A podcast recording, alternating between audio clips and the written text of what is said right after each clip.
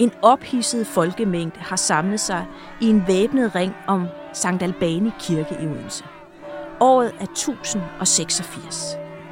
Inde i kirken har den sidste vikingekonge barrikaderet sig. Knud den Hellige. Han står midt i kirkerummet med sværet løftet og med sine mest trofaste krigere samlet omkring sig. Det er krigsvandte mænd, som hellere vil dø i kamp for deres konge, end at overleve ved at vende ham ryggen. Ingen har rigtig mod til at bryde døren ind til kirken og derved spotte Guds hus. Men da en mand indleder med at hugge løs på døren, så følger resten af pøblen efter. Den første af kongens krigere hugges ned, da han forsvarer indgangen. Den ophissede mængde farer med hævet våben direkte mod kongen. Men selvom blodbadet rykker tættere og tættere på, viser Knud ingen tegn på frygt.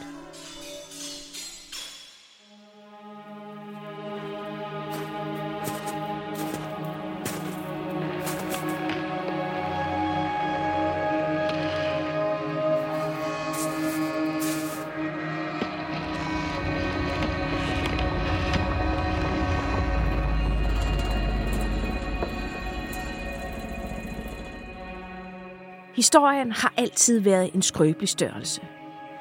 Og den defineres af den, som skriver den. Det vil sige, at ofte er historien skrevet af ganske få mennesker. Ofte er det mænd, som har siddet og skrevet det ned på befaling fra en konge eller en kejser, eller mænd med magt. Ja, man kan sige, at det er sejrherren, som skriver historien. Og øh, på den måde, så kan historien også bruges til egen vinding, fordi man kan forhærlige sig selv i den her fortælling, som ikke altid bygger på fakta, men bygger på den antagelse, at historien kan vise en hersker i et særligt fint lys. Alle vil gerne huskes for noget godt, for noget magtfuldt, som om, at de gjorde en kæmpe forskel. Historikeren E. H. Carr skrev, Study the historian before you begin to study the facts. Før du studerer historien, skal du studere historikeren. Eller i de her tilfælde ofte dem, der sidder som chef for historikeren. Fordi det er jo sådan, at dem, der har skrevet de her kilder ned, som belyser noget af vores tidligste historie, ikke altid selv har kunne bestemme, hvilken agenda de skulle skrive under. Sådan er det også i dag. Folk de fortolker historien forskelligt og har udlægninger af historien, som slet ikke harmonerer, hvis man læser den ene og den anden side. Velkommen til Varbergs Danmarks Historie. Mit navn er Jeanette Varberg. Jeg er museumsinspektør, arkeolog og forfatter.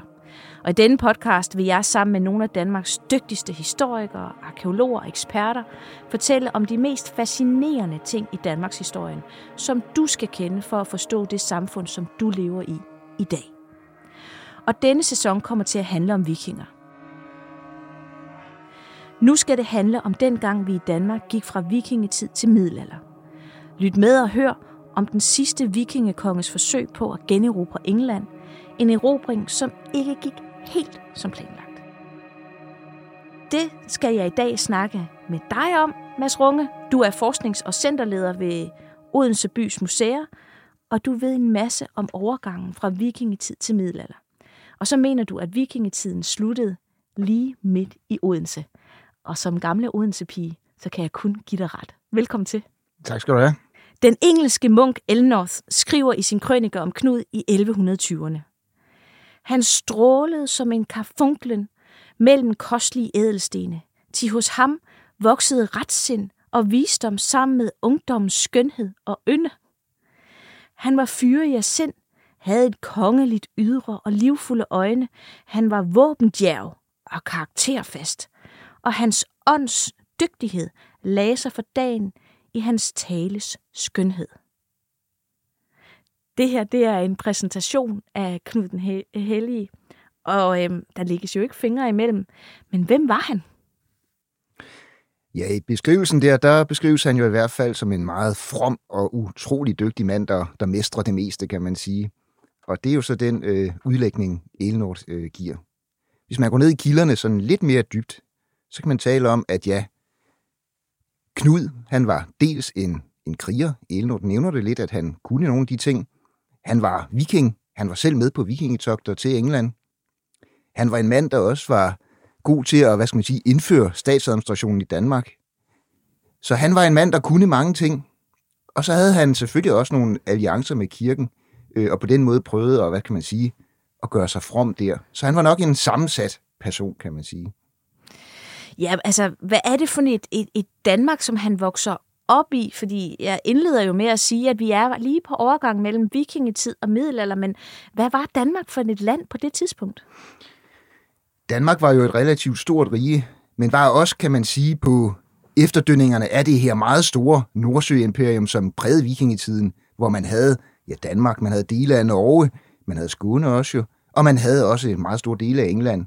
Øh, de dele var nu ved at falde fra hinanden, og Danmark var måske ved at blive, hvad kan man sige, marginaliseret en smule, blive mindre i hvert fald.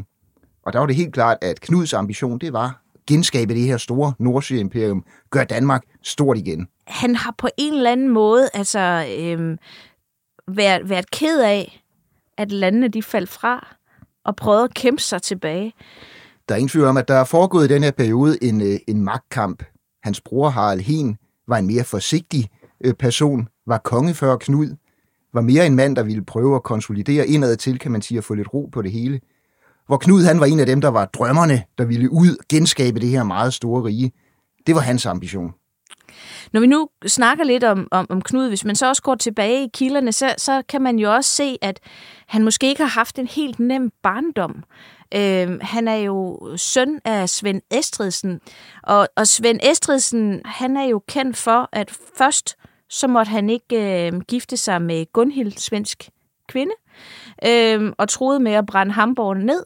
Øh, de løste så ved, at øh, han ikke giftede sig igen, men til gengæld havde han et hav og friller. Og Elnors, han øh, nævner jo også øh, mindst fem kvindenavne, der kunne være Knuds mor, men ingen vidste det rigtigt.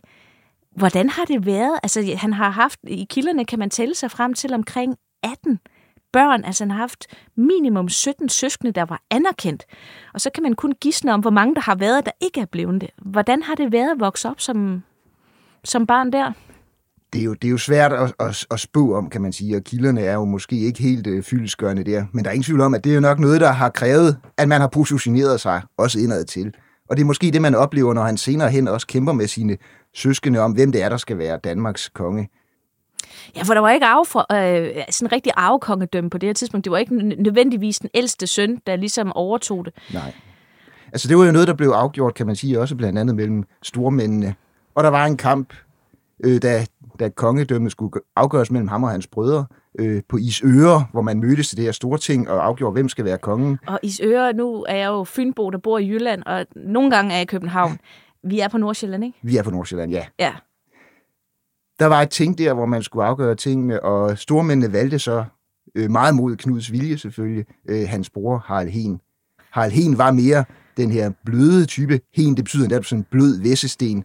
Han var mere den bløde type. Han var mere den, der kunne samle tingene, og måske gøre, at stormændene, som jo bestemte det, kan man sige, var dem, der mere kunne agere, som de hidtil havde gjort. Det gjorde Knud pissesur, og han tog afsted.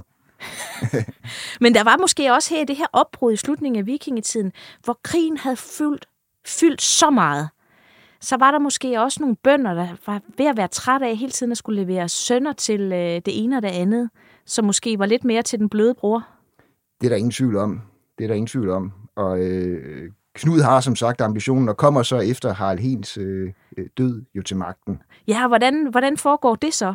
Altså, øh, han, hans bror, går han frivilligt for magten, eller hvordan? Øh... Hans bror Harald, han, han, han dør fire år efter inde i sin regeringsperiode, og, øh, og, og Knud kommer ind, kan man sige. Ved man, hvad han dør af? Ikke rigtigt? Nej. Nej. Okay. Det kunne ellers være spændende at høre, om ja. han, han fik sådan en lille, lidt for meget gift af nogle ting, eller sådan noget, men det ja, er ja. kun i England, man kører den. om Knud har haft en rolle i det der, det, det, det, det kan man ikke sige 100%. Det har der været gissninger om. Øh, men i hvert fald kommer Knud efter Haralds død øh, trumlende tilbage, kan man sige, og får sat sig på, på kongemagten. Jeg har nok set for meget Game of Thrones. Det er nok en, øh, en skade, der er der. Men man kan ikke lade være med at tænke på, at når der er så mange børn, og der er sådan, så meget at kæmpe om, at, øh, at det har været et giftigt miljø, Jamen, det har det da. Det har det da. Og som sagt, at man skulle positionere sig med alliancer med den ene og den anden til tredje, for hele tiden at være den, der stod, hvad skal man sige, forrest i køen. Øh, og det har været et giftigt miljø, det er der ingen tvivl om. Men han bliver konge. Han bliver konge, og, øh, og markerer sig som en meget øh, markant konge, kan man sige, der, der blandt andet på mange måder indfører, hvad man kan kalde en statsadministration, altså pålægger nogle skatter, hvis man kan sige det sådan, øh, om datiden. Også en hård konge, øh, som vil nogle ting, og som altså har de her ambitioner om at, at genindtage Nordsjøimperiet. Og der er ingen tvivl om, at det der er mange, der ikke er enige i, og mange, der synes er hårdt. Det gælder måske stormændene, men det gælder også bønderne, øh, som du er inde på, som jo virkelig bliver beskattet rigtig hårdt. Så der er øh, bestemt noget, noget uro omkring Knud på den måde. Vi skal prøve at tegne et billede af, hvordan det var at være konge på det her tidspunkt. Øh, sidder han et sted og regerer, eller rejser han rundt, eller hvordan får han egentlig opbakning til at, at fastholde magten? Nej, på det tidspunkt, der var man en rejsende konge, kan man sige. Man havde kongsgård rundt omkring i landet, og det var vigtigt hele tiden at være rundt også der, antageligt for at lave de her alliancer og vise sig en person af de steder for at sige, at det er nu der er altså mig, der er kongen. Folk vidste det jo ikke nødvendigvis, som, som, som sad langt fra. Så han rejste rundt og havde kongsgård. Ja, han havde i Odense, men han havde i Nordjylland. Han havde mange forskellige steder i, i sit rige. Ja, og så øhm, og han, han bliver jo egentlig også øh, gift på et tidspunkt. Han bliver gift med en øh, normandisk øh, prinsesse, kan man sige, edel. Øh, ja, som, som også er med til at, at... Altså, det er jo et strategisk ægteskab. Det er helt klart strategisk. Altså, dels har han en række ting, han skal manifestere indad til i forhold til stormænd og så videre, de lokale. Men det er jo også på den internationale scene, hvor Danmark jo er involveret i en række alliancer, krige og så videre, øh, og hele tiden skal manifestere sig. Så ja, ægteskabet er også en alliance. Så han får en ung, smuk kvinde op til sig. Øh, men, øh, eller vi ved jo ikke, hvordan hun har set ud, men man kan jo gisne. Øh, så, så det vi ser, det er egentlig, at han, han agerer jo sådan set klogt nok i forhold til at positionere sig for at og, og ligesom vil, vil tage nogle af de gamle landområder. Han har da været strategisk øh, øh, velfunderet, det er der ingen tvivl om, øh, og vidste, hvad han gjorde, og altså haft det der ambition om at komme ud og genskabe det her Nordsjøimperium. Det har været hans mål, må man regne med, og det er det, han ligesom har ageret efter øh, også i forhold til de her internationale alliancer. Ja, og han, og han ser skat, og han rejser rundt, så på en eller anden måde, så, øh, så går det jo meget godt for Knud. Jamen, det går meget godt, men øh, så kan man sige, så den her ambition om at genindtage England, øh, det er ligesom det, at filmen den, den knækker.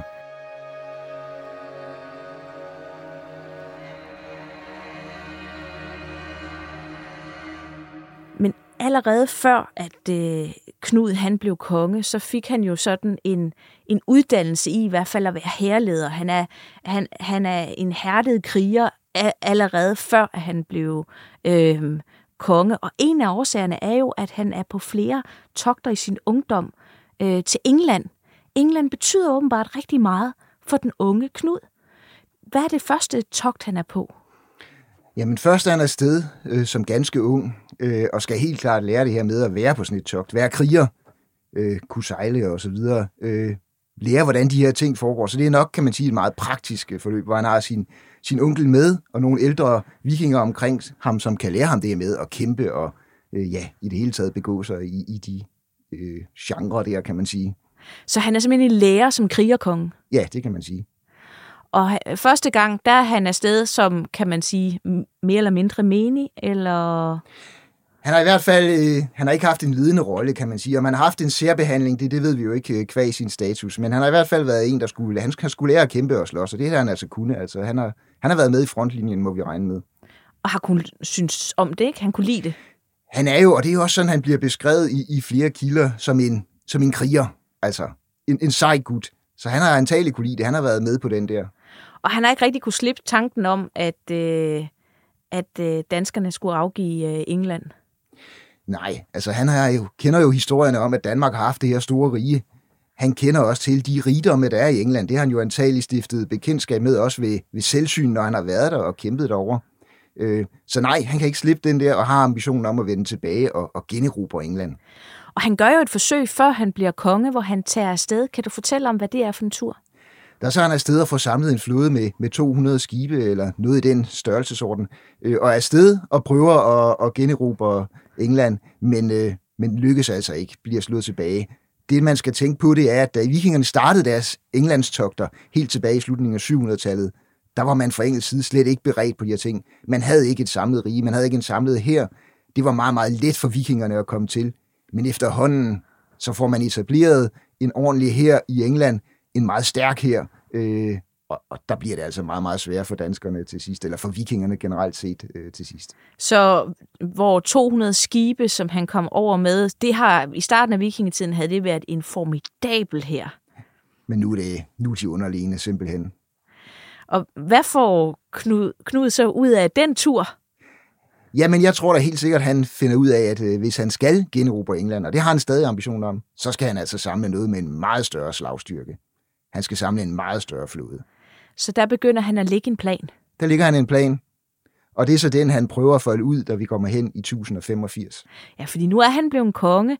Han er blevet gift med den rigtige prinsesse, så han har kontakterne nede i Europa i orden. Og øh, han har taget skat af sine folk.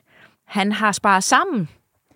Han er, han er klar, øh, og det man hører om, det er, at han har samlet en flåde på op mod 1000 skibe. Øh, og måske endda har lovning på at få yderligere 600 fra sin svigerfar øh, nede i Flanderen til at komme og bakke op omkring det her. Og så har man jo virkelig en massiv flåde, man kan sende afsted. Men på det her tidspunkt har han overhovedet nogen allierede i England? Han var uden venner i England, så han kom udefra og skulle klare det hele selv, om man så må sige. Man var simpelthen træt af krig, og man var træt af, at der hele tiden kom nogen og ville overtage øh, tronen. Fordi der er en, en øh, engelsk historiker, der engang har sagt øh, omkring øh, bønderne, at øh, udsigten til oksens bagdel, når man pløjede markerne, var den samme, uanset hvem der var konge og hersker. Ja, det er kloge ord. Det er kloge ord, og efter, man kan sige, vikingetiden, hvor de har den ene krig efter den har høvlet ind over jordene, så er hun blevet træt. Ja, ja, det er der ingen tvivl om. De har været hårdt ramt. Lige bortset fra øh, Knud. Han samler den her store leding. Hvor er det, de, de, de samles? De samles op ved Limfjorden, og, øh, og ligger klar der i, i, i flere måneder i, i 1085. Øh, turen bliver aflyst. Ved vi egentlig, hvorfor den blev aflyst? Knud har været presset fra flere sider. Blandt andet har han været, formentlig Danmark, været øh, hvad skal man sige, truet fra sydsiden, og har været, måske været behov for at, at rette fokus mod det. Og derfor kan han ikke, øh, hvad skal man sige, rette fokus mod, mod flåden deroppe ved Limfjorden alligevel. Var der nogen, der havde luret hans planer og taget det som en chance for at angribe øh, hans grænser? Venterne øh, havde antageligt øh, luret den og, og prøvet at, at erobre Danmark, kan man sige, dernede fra syd. Det er altså hårdt at være krigerkonge på det her tidspunkt. Der er mange fjender rundt omkring.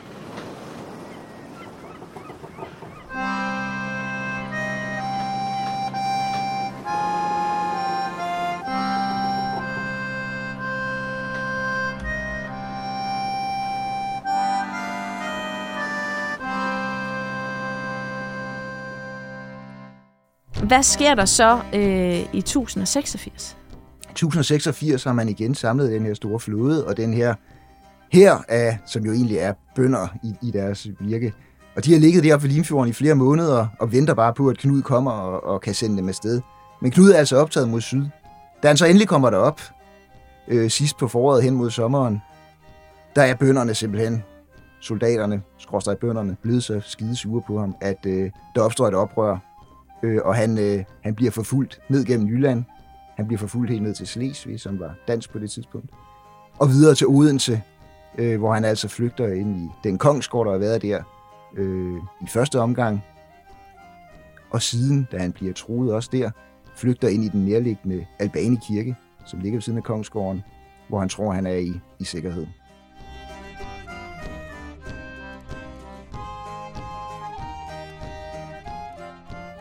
Og så er vi tilbage til starten.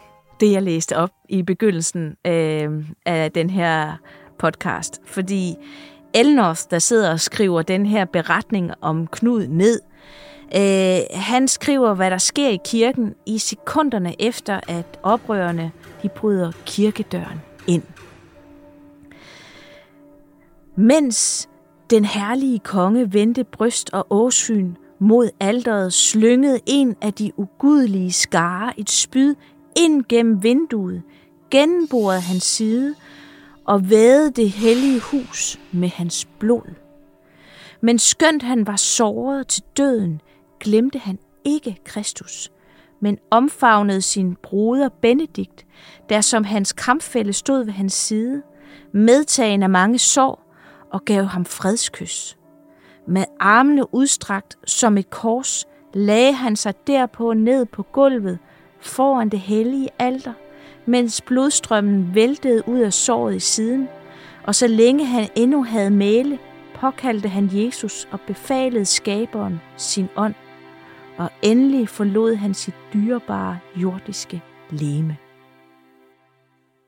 Fantastisk skrevet egentlig. Men hvad, hvad skete der egentlig i Albani Kirke i Odense i 1086? Ja, vi ved det jo ikke af gode grunde ikke helt præcist. Men øh, historien er, har, har flere varianter, om man så må sige. Elnords beskrivelse er den, du lige læste op der. Men når man går ind og kigger på skelettet, som jo altså stadig findes, antropologerne er ved at analysere det, når man kigger på andre skriftlige kilder, ja, så kommer der en lidt anden historie. Ja, altså jeg kan jo huske, øh, at jeg som øh, børnehavebarn med sådan en lille rød taske på ryggen i 80'ernes Odense kom ind i øh, St. Knuds kirke og kom ned i krypten og stod og så på hans knogler, som lå i en meget, meget fin montre allerede dengang. For vi er jo så heldige, at vi både har en skriftlig kilde, der beskriver, hvad der sker inde i, i kirken, men vi har også de rigtige knogler. Og som arkeolog er det jo helt fantastisk, at vi har dem. Og, og det er hans knogler, vi har. Det, ja, det er man ret sikre på. Der er lavet forskellige Koster 14-dateringer, dels af knogler, dels af skrinet, som han ligger i. Han ligger i sådan en meget pragtfuldt, meget, meget flot skrin. Øh, så det er, man, det er man sikre på, at det er ham. Det er jo helt vildt. Det er fuldstændig vildt, og der er ingen tvivl om, at han ligger der, og i øvrigt i et tilsvarende skrin, ved siden af ligger skelettet af hans bror Benedikt, og de der to, ja. og de fantastiske tekstiler, som er knyttet til også, jamen det er jo nationale klinodier, der bare ligger dernede i krypten i Domkirken i Odense allerede dengang, der kunne jeg mærke øh, storheden i rummet, øh, da jeg var, var ganske lille. Men det har altid, øh, synes jeg, været ekstremt fascinerende, at man lige pludselig har resterne af individerne så tæt på, fordi som Elnorth også skriver her, han gav et fred, fredskys til sin bror Benedikt. Og nu ligger de der stadigvæk den dag i dag. Man kan, gå, man kan stadigvæk gå ned og se dem, kan man ikke det? Man kan gå ned og se dem, øh, og de ligger dernede i det her meget, meget stemningsfulde rum, meget, meget flotte træskrin, som i dag er uden, eller øh, uden så mange forgyldte øh, beklædninger på, men i datiden har været beklædt med forgyldte bibelske figurer og andet, så det har altså været fremragende, strålende skrin, som virkelig har vækket opsigt. Og der er ingen tvivl om, at i middelalderen har det været et valgfartsmål at komme ned og se Danmarks første øh, royale helgen, Knud den Hellige, som ligger hernede. Men nu, når vi sådan tager alt det der glimmer og fernis af og går ned på knoglerne, det er jo det, som, hvor den rigtig gode historie ligger. Det er der, en rigtig god historie ligger, og øh, der har været lavet antropologiske undersøgelser i Knud af, af flere omgange faktisk. Og netop for at se den her historie om, hvordan han bliver dræbt, som Elnot beskriver den, at, er den nu rigtig? Øh, og det man kan sige, det er, at hans øh, kranje det er blevet knust, måske med en sten, måske med noget andet. Derefter er han formentlig faldet om, og så er han blevet stukket med et svær i, i maven, i underlivet.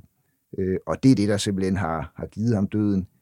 Det her med, at han ligger sig ned ved alderet med armene spredt ud til siden, ja, der er det måske mere, kan man sige, en beskrivelse af, hvordan man øh, betragter Jesus som død, og der er nogle ting der fra Bibelen, som man endnu nok har digtet ind i historien.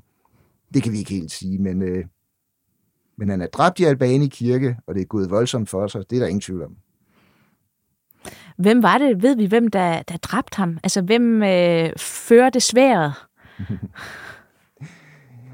det er jo en, en, en, en her af, af bønder, kan man sige, der, der er fuldt efter ham. Øh, Øh, og hvem det præcis er, ved man ikke. Men igen er der nogle, øh, nogle ting i de her skriftlige kilder. Øh, der omtales en, øh, en piber, som stod i spidsen for det, det fynske øh, øh, oprør mod, mod øh, Knud. Øh, og Piber, han bliver beskrevet lidt som, som Judas også er i, i Bibelen. Altså en, der egentlig udgiver sig for at være Knuds ven, men sådan set forråder ham i sidste ende.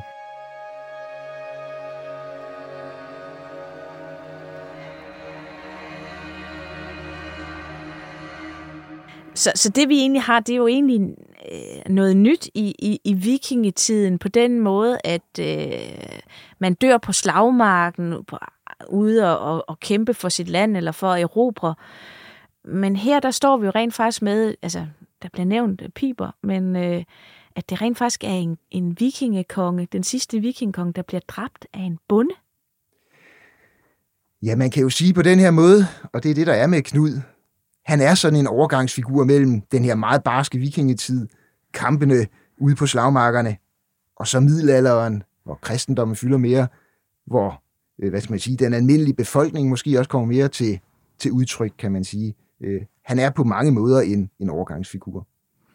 Det er i hvert fald e-, enormt spændende øh, at, at vide, at der har virkelig foregået en kamp derinde, som har på en eller anden måde også haft stor betydning for, i hvilken retning landet skulle gå, og hvilken vej man skulle gå hen. Fordi det her med, som, som du siger også, at de er på vej ind i middelalderen, kan man simpelthen tale om, at øh, danskerne var trætte af at være vikinger? Det kan man måske godt, men man kan også tale om, at omverdenen var trætte af vikingerne.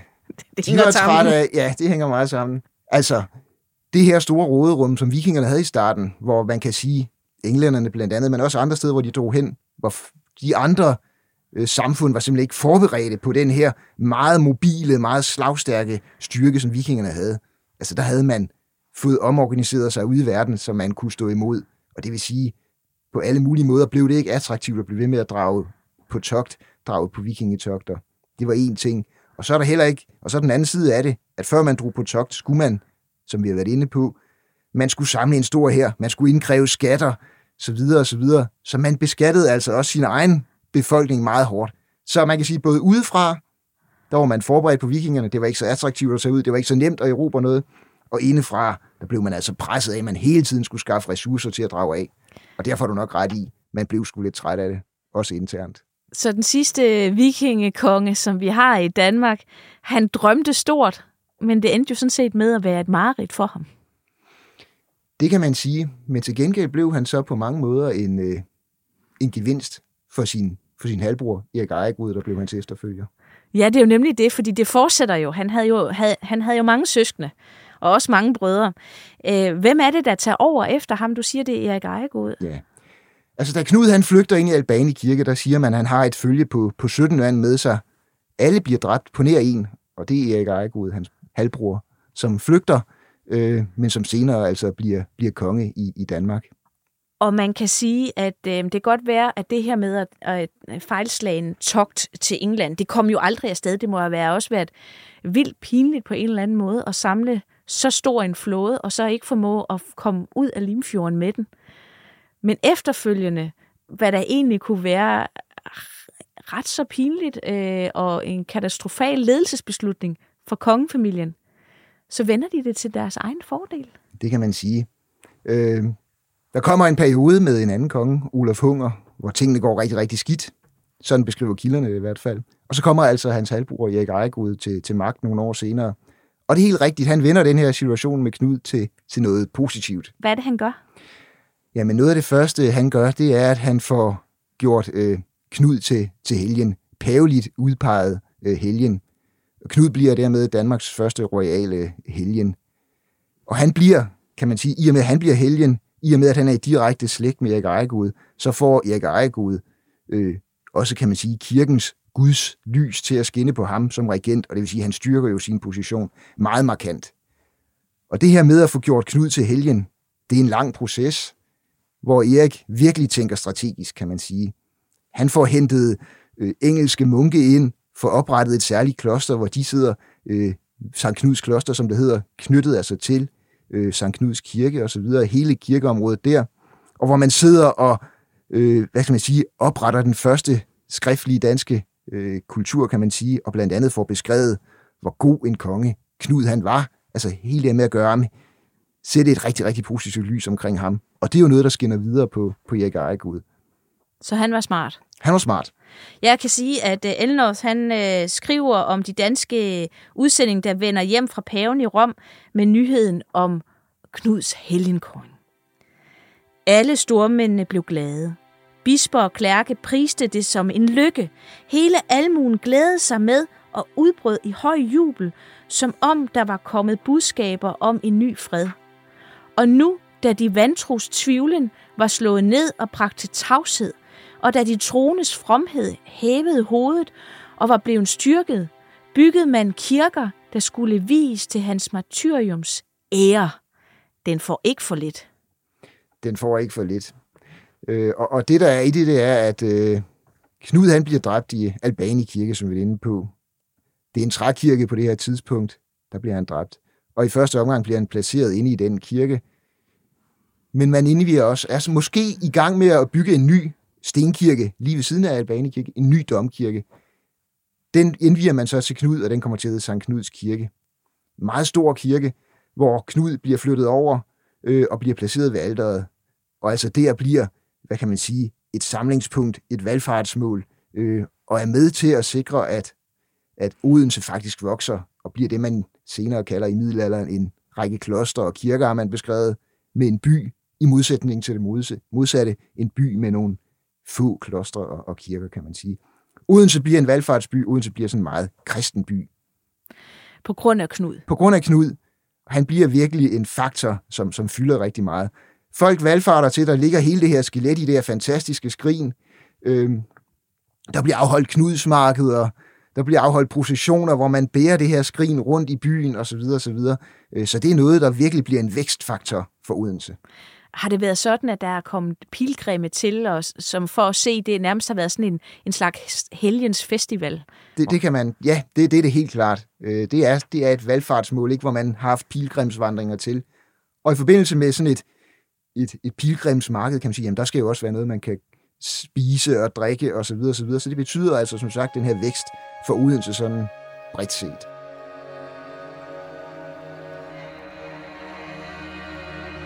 Altså nu er du jo arkeolog og har været med til rigtig mange udgravninger inde i Odense centrum.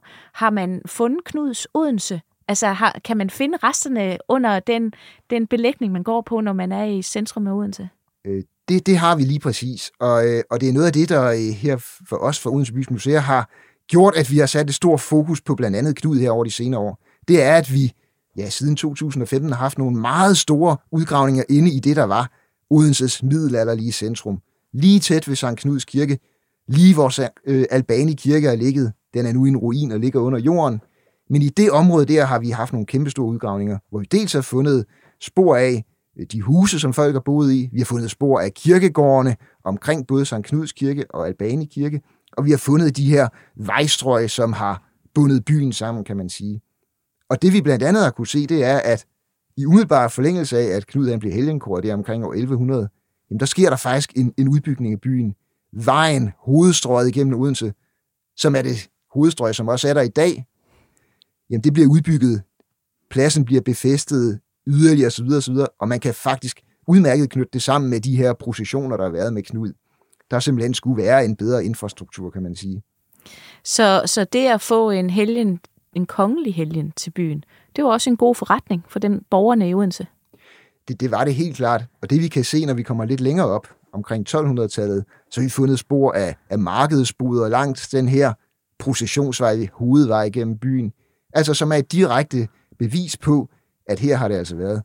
Og der vi har fundet en lille sjov ting i forbindelse med de her øh, udgravninger.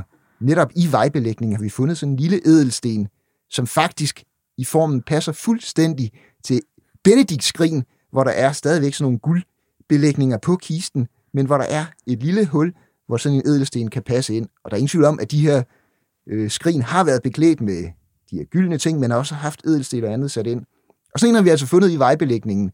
Vi kan jo ikke sige 100% at den passer lige til det skrin, men øh, dimensionerne øh, passer i hvert fald. Så måske en meget, meget direkte kobling fra skrinene, fra helgenkåringen og ud til de her vejbelægninger, som vi har gravet frem i Odense. de har simpelthen været rundt med det der skrin til en af de her festivaler, og så er der en sten, der har løsnet sig og faldt ned i mudderet, og, og hundredvis af fødder har trampet rundt i mudderet, og så er sådan en lille fin ædelsten. Den er væk. Ja, lige præcis. Det er i hvert fald en meget sandsynlig tolkning. Det er faktisk lidt svært at sige, hvad den direkte ellers skulle komme fra.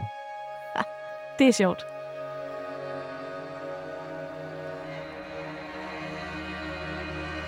Knud, han ender med at dø i Odense. I, og, og det er jo egentlig allerede i vikingetiden en, en ret betydelig øh, by. Hvor, hvornår opstår Odense egentlig? Det er netop noget, vi har, har forsket rigtig meget i over de senere år øh, på Odense Bys Museer. Dels så har man Odense Ståbsatest, som er første gang Odense nævnes på skrift. Den er fra 988, altså et kejserligt brev, hvor man beskriver, at Odense har domkirke og biskop osv. Man må regne med, at det er en by af en vis størrelse. Og der vil være nede og forske i gilderne og se, hvor langt kan man så trække det tilbage bag om det årstal. Og det vi ved med Odense, det er, at øh, selve navnet Odense, det kommer af Odins Vi, som er sådan et helligt sted, et vidt et helligt sted, til hovedguden Odin. Og det sted, Odins Vi, ja, det har vi sådan set øh, også lokaliseret, tror vi nok. Hej det! Det har vi faktisk. Det er, det er stadigvæk lidt på gissningspunktet, men som er sådan et, et offersted, kan man sige. Et, et større hul i jorden, hvor man har smidt en masse brændte ben i, dyreknogler og andet. Øh, og det ligger øh, lige ved det naturlige overfartssted over Odense Å. Det ligger helt ned mod Odense Å. Meget strategisk sted i byen. Så Odense er en, øh, aller, da Knud bliver dræbt, ja, der har det været i århundreder, måske, vi kan sige, ja, startende i slutningen af 700-tallet, men i hvert fald omkring år 900, mener vi, en egentlig by, en egentlig vikingeby. Og der er det så efterhånden, at man i slutningen af 900-tallet får bygget kirker på i den østlige del af centrum, og senere det her kirkelige centrum, særligt efter Knud han dør, og Odense bliver den her meget kristne by, vokser det her store kirkelige centrum. Og man kan sige på den måde, hvor Knud i sig selv med hans øh, tidlige liv som viking, som den her seje øh, kriger og så videre, barske fyr, til at han bliver den her, beskrevet i hvert fald efter sin død, som den er meget fromme mand. Altså han er ligesom en overgangsfigur mellem vikingetid og middelalder.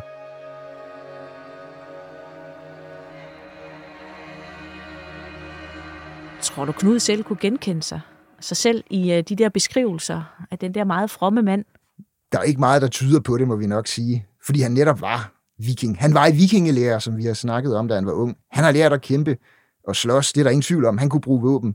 Vi ved også, at han var en ret skrab statsadministrator, kan man sige, indkrævede hårde øh, udgifter og så videre, afgifter fra sin befolkning. Så, så from tror jeg måske ikke, han har været. Så det er, det er hans øh, halvbrors konstruktion? Det må vi nok sige, og på den måde kan man jo sige, der er det jo ja, jeg ved ikke, om man kan kalde Knud for en sejrsherre, nu han bliver dræbt så, på så frygtelig vis, men hans bror i hvert fald er jo måske sejrsherren, der beskriver historien. En meget god bror at have egentlig også lige at, at tage børst ens image af. Det er der ingen tvivl om. men, men hvad siger beskrivelsen af Knud om vores måde at bruge historien på? Jamen altså, Erik Ejguds øh, måde at bruge historien på, var jo helt klart det med at sætte et meget, meget positivt lys på hans slægt altså her Knud. Så han får hele den her meget, meget øh, fromhed, godhed omkring sig. Alt, hvad han gør, er jo fantastisk, kan man sige. Ikke? Mens andre, de islandske sagaer blandt andet, som er skrevet nogle århundreder senere, men som mere, måske mere skal ses i lyset af et, en historie, hvor man fra Islands side med stormændene der gerne ville gøre et oprør mod en kongemagt, som måske kom ind udefra og dominerede jamen der beskriver han ham mere som en, en, en hård øh, person, kan man sige, og en barsk person. Øh, så der prøver man at vinkle historien på en anden måde, fordi man har nogle andre øh, præmisser, man vil arbejde ud fra der. Så man kan jo også se, at vi har også nogle andre kilder til ham, som giver en beskrivelse. Det er jo også, at, at den her fromme død, som han får med et spyd, der ryger ind gennem et vindue, var der helt taget vinduer i den gamle trækirke? I har fundet. Ved man det? Det, det ved man ikke. Øh, det, det er en mulighed, men det er også en mulighed, der ikke har været det. Øh, og øh, andre steder beskrives det som om, at han får en sten i baghovedet, øh, som slår ham om kul. Øh, så altså... Hvordan passer, hvad passer bedst med de knogler, du har liggende nede i krypten? Han har i hvert fald fået et hårdt slag i, i baghovedet, det er der ingen tvivl om. Om det er en sten her, der er blevet kastet ind gennem ruden, som nogle kilder øh, beskriver det. Der andre siger, at det er et spyd, som du nævner. Men det kan også være et, et sværhæfte eller et eller andet, der har bankede ham ned. Øh, så jo, han er, han er blevet slået om kul. Nogle er så beskrevet som et spyd, det giver jo nogle, noget drama og nogle fine historier. Andre er mere primitivt, jamen det er bare en sten eller et eller andet, der har, har banket ham ned. Øh, tilsvarende det her med, at han er faldet om, lagt sig ned på alderet, kan man sige, og bredt armene ud og bare taget imod, nærmest ligesom Jesus, kan man sige, jamen der er der andet, der tyder på, at han først er blevet slået ned, faldet om kul, og så fået et svær i maven, altså sådan lidt mere som en almindelig øh, viking nu ville dø. Ja, og falde ud med armene ud til siden. Ja, måske, ja. ja. Øh, ja, det er... Men, men fik kirken noget ud af at beskrive Knud på den her måde? Altså, kongen, øh, kongen og kirken var jo på den tid, kan man sige, øh, tæt, tæt forbundne. Øh, og, øh, og på den måde kan man sige, at kirken fik bestemt også noget af det. Hele det her med beskrivelsen af Knud som, som helgen, hele det med ham som et stort valgfartsmål, gjorde jo det her med, at kirken virkelig voksede som institution i byen. Man fik øh, Knudsklostret, men man fik også andre kirker i byen. Man fik andre klostre osv., så, videre. så det blev virkelig den her hellige by, og der kan man sige, der fik kirken jo, som så på den måde måske kunne indkræve flere mere tiende og andet, voksede jo og blev en, en magtfaktor. Og i Odense opstår der simpelthen sådan et, et helt kirkeligt område i den ene del af byen. Den oprindelige by, vikingebyen Odense, ja, den, den vokser op, kan man sige, i det, der i dag er den vestlige del af centrum, hvor det her kirkelige øh, center så bliver bygget til på den østlige side. Med den albane kirke, med senere Sankt Knuds kirke, muligvis med en bispegård også og andet, og med kirkegård omkring, altså noget, der optager et meget stort område. Så var der andre kirker og kloster rundt i byen. Så altså, kirken bliver virkelig en markant faktor. Så i Odense, helt klart, får det her med Knud en meget stor positiv betydning for kirken, og det gør det jo antageligt også på landsplan. Når du sådan forsker i Odenses fortid, øhm, og, og du har allerede kommet langt, eller I er allerede kommet langt, hvad kunne du allermest godt tænke dig at finde fra, fra Knuds Odense eller tiden lige efter? Hvad er det for et spørgsmål, som du, du har i dit hoved, du gerne vil have løst? Noget af det, vi rigtig gerne vil finde i Odense og har været på jagt efter i mange år, det er jo Kongsgården. Kongsgården, hvor Knud han, han flygtede ind, før han flygtede videre ind i Albani kirke. Øh, og vi har en meget kraftig formodning om, at den må ligge ganske tæt på, hvor Sankt Knuds kirke, altså nuværende domkirke i Odense er. Men der er sket så mange ting i Odense. Den er desværre, kan man sige, i godsøjne blevet byudviklet ganske tidligere. Det vil sige, det her med de her meget systematiske arkeologiske undersøgelser, som man laver i dag, har man ikke rigtig haft mulighed for at lave alle steder. Vi snakkede om tidligere de her meget store byomdannelsesprojekter, vi aktuelt har kørt, hvor vi har lavet undersøgelser. Men lige præcis i det område, hvor vi har bedst tiltro til, at øh, Kongsgården ligger, ja, der har vi desværre ikke kunne lave det helt store. Men, øh, Men hvor, finde den, hvor, er, fedt. hvor præcis er det henne? Er vi under magasin i Odense, eller er det noget, skal vi rive magasin ned, eller er det Rådhuspladsen, der skal ryge, eller hvad er det, I tænker? Vi tænker... Hvis du nu måtte få lov til at fjerne, hvad du ville, ja. hvis ikke, så glemmer vi øh, kommunen og forvaltningen, ikke? Ja, lad os gøre det, ja. Det kan godt være, at jeg bliver lidt upopulær, hvis jeg fjerner magasin. Nej, altså øh, ganske tæt på det nuværende øh, Sankt Knuds Kirke. Øh, måske hvor historiens hus ligger i dag. Det område der, mellem øh, Sankt Knuds Kirke og også, hvad skal man sige, den svømmehal, der ligger derinde på Klosterbakken. Det område der omkring, jeg vil tro, det var der, der var bedst mulighed for at finde øh, Kongsgården. Ja, den svømmehal, der har jeg dyrket synkronsvømning tilbage i 90'erne. Det er bare sådan en bonusinfo. Så den må vi heller ikke fjerne? Åh, oh, det må jeg godt. det er fint nok. Altså alt for at finde Knuds Kongsgård. Ja. Hvordan skulle den se ud, hvis det var? Altså, hvad kigger I efter? Det er jo det, der er lidt, lidt svært med de her tidlige øh, kongsgård, kan man sige. ikke, Fordi de har antageligt dækket et meget stort område. Hvis man kigger mod, mod Jelling, for eksempel, som er lidt ældre. Meget stor palisadeindhegnet kompleks med en kirke inde i midten øh, men med bygninger ud langs øh, hegnet også, kan man sige, ud langs palisaden. Det er svært, når man er inde i en by, der er så tæt bebygget, som Odense er i dag, at gå ned og finde de her spor. For man kan sagtens være lige midt ned i Kongsgården, kan man sige, og så bare finde øh, ingenting, fordi man er inde i de store tomme arealer, vi også må formode, der har været derinde. Men det er klart, det vi skal have fat i, det er jo den store bygning, som vi må regne med at støde centralt. Med store, kraftige stolpehuller, der graver ned i jorden og andet. Men øh, vi mangler at finde den endnu i hvert fald. I må grave videre. Ja, det gør vi gerne. Nu har vi jo snakket rigtig meget om Knud den Hellige, og, og jeg kender ham jo selvfølgelig, fordi jeg er, er fra Odense, og det har været noget, som et hvert barn i Odense har jo lært om Knuds historie. Men hvad betyder han for, for os i dag? Er der overhovedet noget, hvor, øh, hvor, hvor sådan en helgen har betydning, udover hvis man kommer fra Odense og er stolt af det? Han er faktisk stadig en, øh, en fungerende katolsk helgen, kan man sige.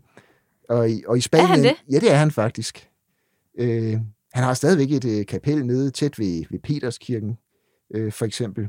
Men han er noget, der dyrkes i den katolske befolkning, og blandt andet i Spanien, hvor han på universiteterne er, kan man sige, øh, faktisk øh, den frie hasses øh, helgen. Det bliver, du bliver simpelthen nødt til at forklare mig flere ting med det, du siger lige nu, fordi det anede jeg faktisk ikke. Hvorfor i Spanien, og hvorfor, altså, cannabis, det er hash, ikke? Ja. Altså, han er jo, øh, Spanien er jo et øh, katolsk land, øh, langt overvejende. Øh, og det, der er med, når man skal ryge sådan en, en fed, jamen, det rør, man ryger i, øh, det, det hedder simpelthen en canuto, altså knud på, på latin. øh, det giver totalt det, meget mening. så han bliver dyrket på den måde. Han bliver udover det også brugt som helgen for øh, parkeringspladser, kan man sige. Så hvis man kører rundt i, i Spanien i en eller anden storby og ikke kan finde en parkeringsplads, så påkalder man sig Knud. Altså, øh, San Canuto. Lige præcis. Det skal jeg huske. Ja, gør endelig det. øh, den spanske ramse, den går faktisk San Canuto, San Canuto, aparcamiento en un minuto. Jeg håber, at jeg siger det nogenlunde rigtigt. Mit spanske er rusten, hvis for at sige mildt. Men oversat, så betyder det faktisk, Sankt Knud, Sankt Knud, nu er der en, der kører ud. altså, jeg vil opfordre alle lyttere til øh, at prøve, om øh, det, det lykkes. Altså, her i København, hvis man er i bil, så kan man i hvert fald godt øh, bruge sådan en øh, ramse for at finde øh, bare en lille bitte, lille bitte parkeringsplads. Men det er jo, altså, det er jo sjovt, at vi, øh, at han stadigvæk bliver, bliver husket i, i Spanien alle steder, men hvis man sådan skal lidt op på den høje klinge, hvad kan vi egentlig bruge Knuds historie til i dag? Er der noget, vi kan tage ved lære af den? Er der et eller andet, som gør, at den har er et spejl, vi kan holde op for vores nutid? Jeg synes, at, øh, at noget af det, vi har snakket om, om at øh, hvordan historien bliver beskrevet, øh, at det her med bare at tage også de nyheder, vi ser i dag, for, for gode varer. Øh, vi har konflikten med Ukraine og Rusland i øjeblikket, hvor man bestemt kan se, at den ene part skriver en historie, den anden part skriver en anden historie. Jamen, der synes jeg, det her er et rigtig godt øh, billede på det, hvor man ser Knud på den ene side, beskrevet som den her meget fromme mand, og på den anden side, som måske lidt af en tyran, eller i hvert fald en meget barsk herre. Øh, og det er jo milevidt forskel på de to ting. Øh, og det synes jeg er udmærket lærdom at tage med videre og sige, at man skal lige øh, reflektere en ekstra gang, når man hører de nyheder, der nu kommer, når man hører øh, de historier, øh, man får fortalt osv., osv., at øh, man er selv nødt til lige at tage stilling til tingene også. Det er smukt sagt. Det er præcis det, som jeg også selv har tænkt, at, at øh, og så mange andre også, det her med, at man skal se en historie fra mange forskellige sider. Det er også derfor, at når vi arbejder med historie og arkeologi, så kan vi godt lide at have mange kilder for at forstå bare lidt af det fulde billede. Man kommer jo aldrig tæt på, vi kommer jo aldrig tæt ind i hovedet på Knud, hvis bare han har skrevet en dagbog. Ja, det havde været rart. Øh, det er helt klart. Og det er jo lidt af problemet, når vi er her så tidligt i historien, hvor vi har nogle skriftlige kilder, men primært skal støtte os til arkeologiske kilder, så er det fragmenter, vi får, som vi kan sammensætte på forskellige vis. Og der er ingen tvivl om, at øh, i den gang historieskriverne, de fortalte jo deres historie. Men der er jo heller ingen tvivl om, at du og jeg, som arkeologer og historikere, ja, vi beskriver det også ud fra vores øh, billede af verden, og hvad vi gerne vil fortælle. Så der er så mange forskellige, øh, hvad skal man sige, måder at tolke historien på og forstå historien på. Præcis. Og det er jo heller ikke, fordi det bliver lettere i dag, når man skal udlægge historien, fordi der er så mange informationskilder, den dag i dag. Altså, man har jo, jeg ved ikke, hvor mange øh, sociale øh, medier, man kan hente øh, nyheder fra. Man har mange forskellige nyhedskanaler. Øhm, så det her med at filtrere information, det er jo også svært for os i dag. Så nogle gange, så kan jeg jo blive sådan helt øh, misundelig på den gang, at man bare skulle læse Elnors fine, fine bog, og så havde man styr, styr på Knud. Øh, altså, der er der i dag et, et flow af informationer, der gør, at, at, at der bliver stillet endnu større øh, krav til vores kritiske sans. Det er der ingen tvivl om. Det er, det er en vanskelig tid på den måde, og jeg synes virkelig, det her med Elnot og de tekster, der er omkring Knud, er et rigtig godt billede af, at øh, ja, hvor forskellige historier man kan fortælle ud fra et, det ens materiale, kan man egentlig sige. Præcis. Mads, det har været en kæmpe fornøjelse at have dig i studiet i dag.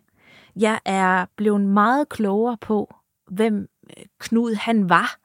Både ud fra hans samtid og hans knogler, og også det lys, som eftertiden kastede på ham, og det politiske redskab, han i virkeligheden var for hans halvbror, som ligesom skulle have gaflet sig en lidt bedre situation efter, at øh, Knud havde proppet en masse skatter ned over sine bønder, havde lavet dem vente i, i mere end et år op ved Limfjorden og gjort den godt gale. Så i stedet for egentlig at tage det som en byrde og måske i virkeligheden risikere selv at blive afsat for guderne skal vide, at der var nok sønder at tage i rækken dernede af, så begår han jo egentlig en genistreg. Så, så i skyggerne, der har vi Erik Ejegod, som egentlig er ham, der er det politiske talent, der formår at tage et brugshoved og en tyran af en bror, som han måske, vi ved det ikke, men vi aner faktisk ikke, om de, at de kunne lide hinanden. Men så tager han som et redskab, fordi at han tilfældigvis faldt om med knus kranje og et svær i maven i en kirke. Så greb han simpelthen muligheden, skrev til paven og fik sig Danmarks første kongelige helgen, som derefter fik Odense til at blomstre. Og historien om den der ædelsten i mudderet, det får bare sådan et levende billede for mig om, hvordan de har slæbt de her knogler, som vi har endnu, rundt i mudderet omkring Odense, hvor der har været gang i den, der har været musik, der har været stik pattegris, og, øhm, og, og, og dans og, og sang og glade dage. Og så har man altså tabt en lille ædelsten, der er blevet trådt ned. Og så kommer den omhyggelige arkeolog, og det er jo dig, Mads, med din graveske. og finder den her, det her lille puslebrik, der sætter den store historie ind i den helt nære. Og det er for mig der, hvor arkeologien bliver allerfinest. Så tusind tak, fordi du vil komme i dag, Mads Runge. Du er fra Odense Bys Museer, og du er forsknings- og centerleder dernede.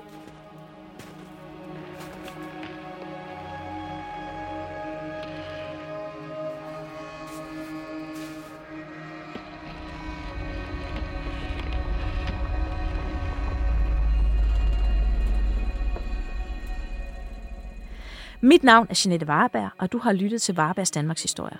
Produceret af Jule Brunse for Vores Tid og 24-7. Tilrettelagt og produceret af Luna Lam og Nikolaj Sørensen. Redaktør er Lukas Francis Klaver. En særlig tak til Mads Runge fra Odense Bys Museer. Find podcasten på 247.dk, vorestid.dk eller der, hvor du normalt finder dine podcasts.